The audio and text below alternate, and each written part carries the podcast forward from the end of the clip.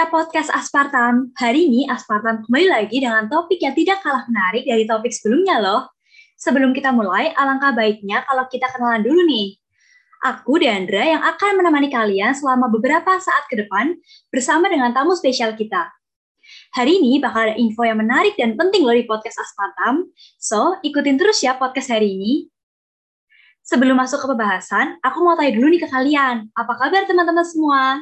Semoga sehat terus ya. Gimana nih, kita udah dua tahun berdampingan dengan COVID-19, pasti banyak dari kita yang selama dua tahun ini gaya hidupnya berubah kan? Contohnya nih jadi kayak kurang produktif atau kayak kurang bergerak gitu deh.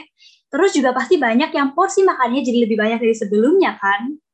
Tapi teman-teman tahu nggak sih, gaya hidup yang seperti itu itu bisa memunculkan suatu penyakit loh terlebih kita yang kurang bergerak dan makan berlebihan dengan porsi yang nggak seimbang.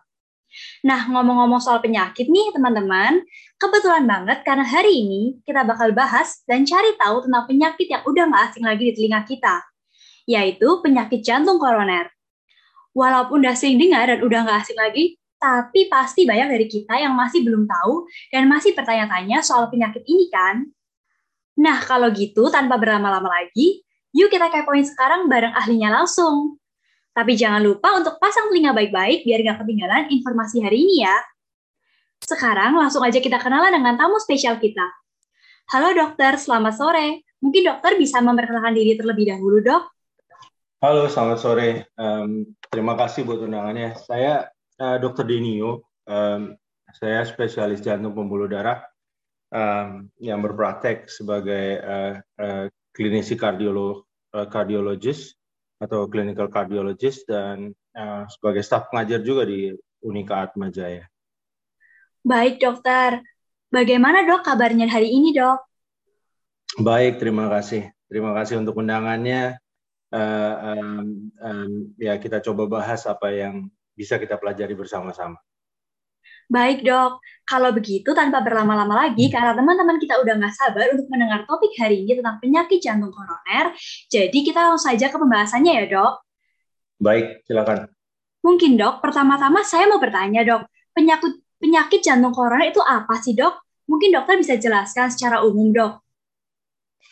Iya, penyakit jantung koroner adalah penyakit jantung yang melibatkan atau yang mengenai pembuluh darah jantung eh, atau yang istilah lainnya adalah koroner. Koroner adalah pembuluh darah jantung. Jadi penyakit jantung koroner itu uh, adalah penyakit yang um, mengenai pembuluh darah jantungnya yang biasanya dapat menyebabkan penyempitan dan uh, penyempitan itu yang semakin berat dapat menyebabkan keluhan seperti nyeri dada dan apabila dia berlanjut terus menerus dapat juga menyebabkan uh, serangan jantung. Begitu. Baik, Dok. Jadi penyakit jantung koroner itu seperti uh, penyebabnya itu kayak penyumbatan pembuluh darah jantung ya, Dok? Iya, betul. Nah, oke, okay. teman-teman sekarang udah mulai tahu kan ya apa itu penyakit jantung koroner. Lalu, Dok, pertanyaan selanjutnya. Untuk penyakit ini sendiri itu berbahaya tidak ya, Dok? Apakah bisa sampai menyebabkan kematian, Dok? Iya, seperti yang tadi saya bilang, uh, kalau penyakit jantung koroner itu um, melibatkan pembuluh darah jantung. Jadi dimulai dengan uh, pengendapan atau deposit uh, dari uh, baik lemak, dari kapur atau kalsium di pembuluh darah yang dapat menyebabkan uh, penyempitan. Dan apabila perubahan ini berlanjut terus-menerus dapat menyebabkan lumen atau rongga pembuluh darah itu menjadi semakin sempit dan bahkan tertutup total yang kalau apabila itu terjadi itu yang disebut dengan serangan jantung yang dapat menyebabkan kematian mendadak. Begitu. Baik dok, jadi penyakit ini uh, masuk dalam kategori yang cukup berbahaya ya dok ya? Iya, betul. Bisa dibilang begitu ya, karena uh, uh, penyakit apa serangan jantung sendiri merupakan salah satu penyebab kematian tertinggi di di waktu-waktu uh, ini. Iya dok, benar dok.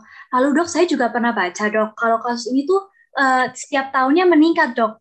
Hal ini apakah benar dok? Dan kenapa bisa kasus jantung koroner itu meningkat terus ya dok?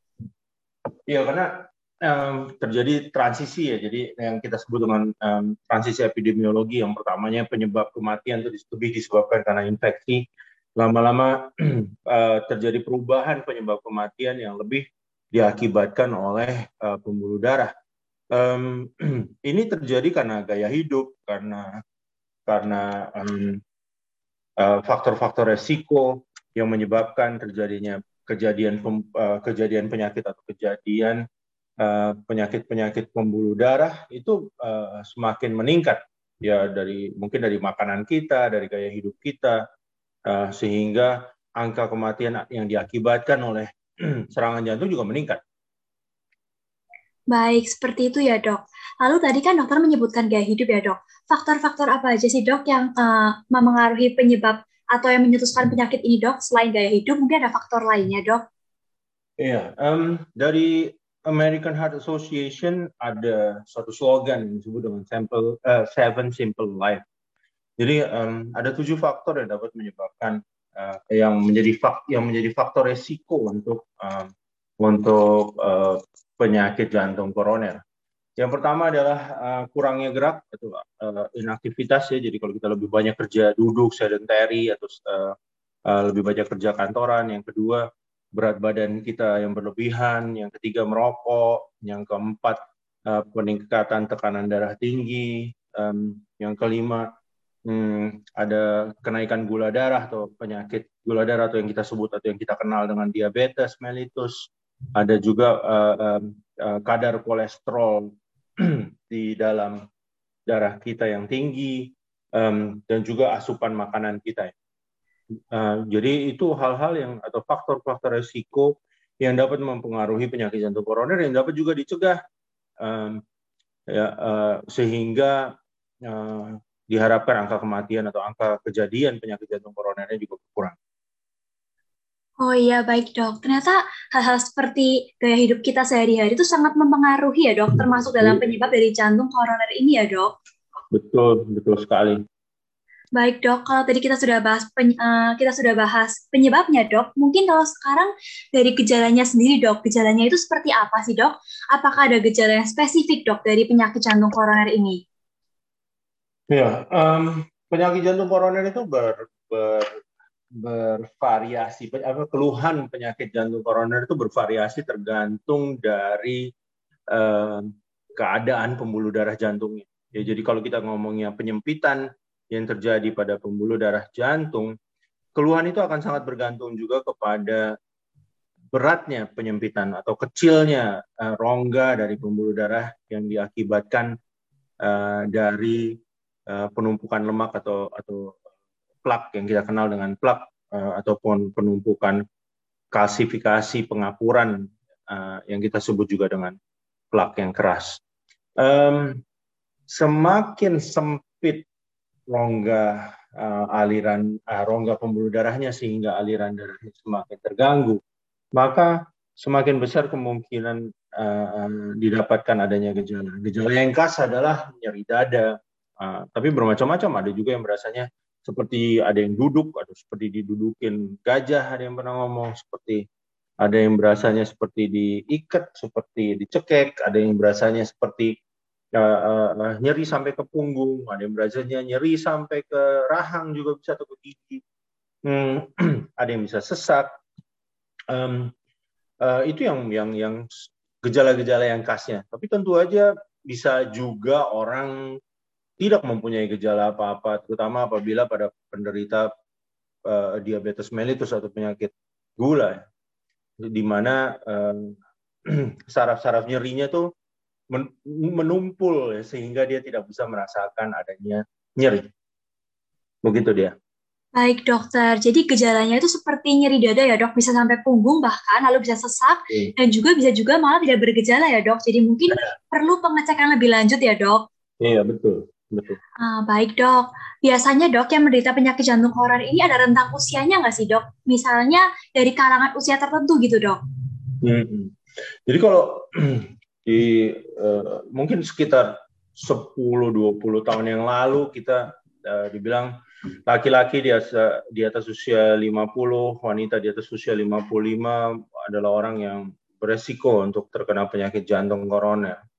Di di dekade belakangan ini uh, uh, pasien-pasien yang menderita penyakit jantung koroner itu menjadi semakin muda. Jadi sekarang sudah tidak jarang lagi di usia 30-an kita mendapatkan pasien dengan serangan jantung uh, untuk ditangani. Jadi karena dasar itu juga saya rasa penting banget jadinya screening yang tadinya disarankan mungkin di usia 40-an ya.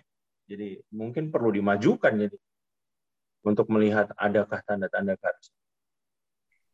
Iya dok, ternyata rentang usianya cukup luas ya dok ya. Kalau begitu kita sebagai anak muda juga harus hati-hati ya dok. Betul. Karena penyakit ini ternyata bisa menyerang semua rentang usia ya dok ya. Iya, tapi uh, semakin kita ber, berumur lah, atau uh, kalau kita bilang semakin lanjut usianya ya semakin besar kemungkinan. Tetapi udah bukan lagi kayak dulu, wah 20-an, 30-an tahun masih belum lah, tapi ya nggak bisa kita bilang juga ya. Baik dok, saya mau tanya lagi nih dok, karena penyakit ini kan bisa muncul hampir kita bisa bilang di semua kalangan usia ya dok ya. Jadi ada nggak sih dok pencegahan yang dapat kita lakukan agar bisa terhindar dari penyakit ini sedini mungkin dok? Iya, jadi um, yang tadi saya bilang seven simple life itu adalah faktor-faktor resiko yang bisa dicegah atau yang bisa di bisa dimodifikasi sehingga uh, angka kejadian penyakit jantung koronernya juga berkurang ya jaga makannya, jaga berat badannya, jaga tekanan darahnya, jaga uh, kolesterolnya, jaga gulanya, uh, kemudian olahraga teratur, berhenti merokok, ya. Jadi um, itu adalah hal-hal yang sangat krusial, terutama untuk orang-orang lebih muda untuk untuk mencegah terjadinya penyakit jantung koroner.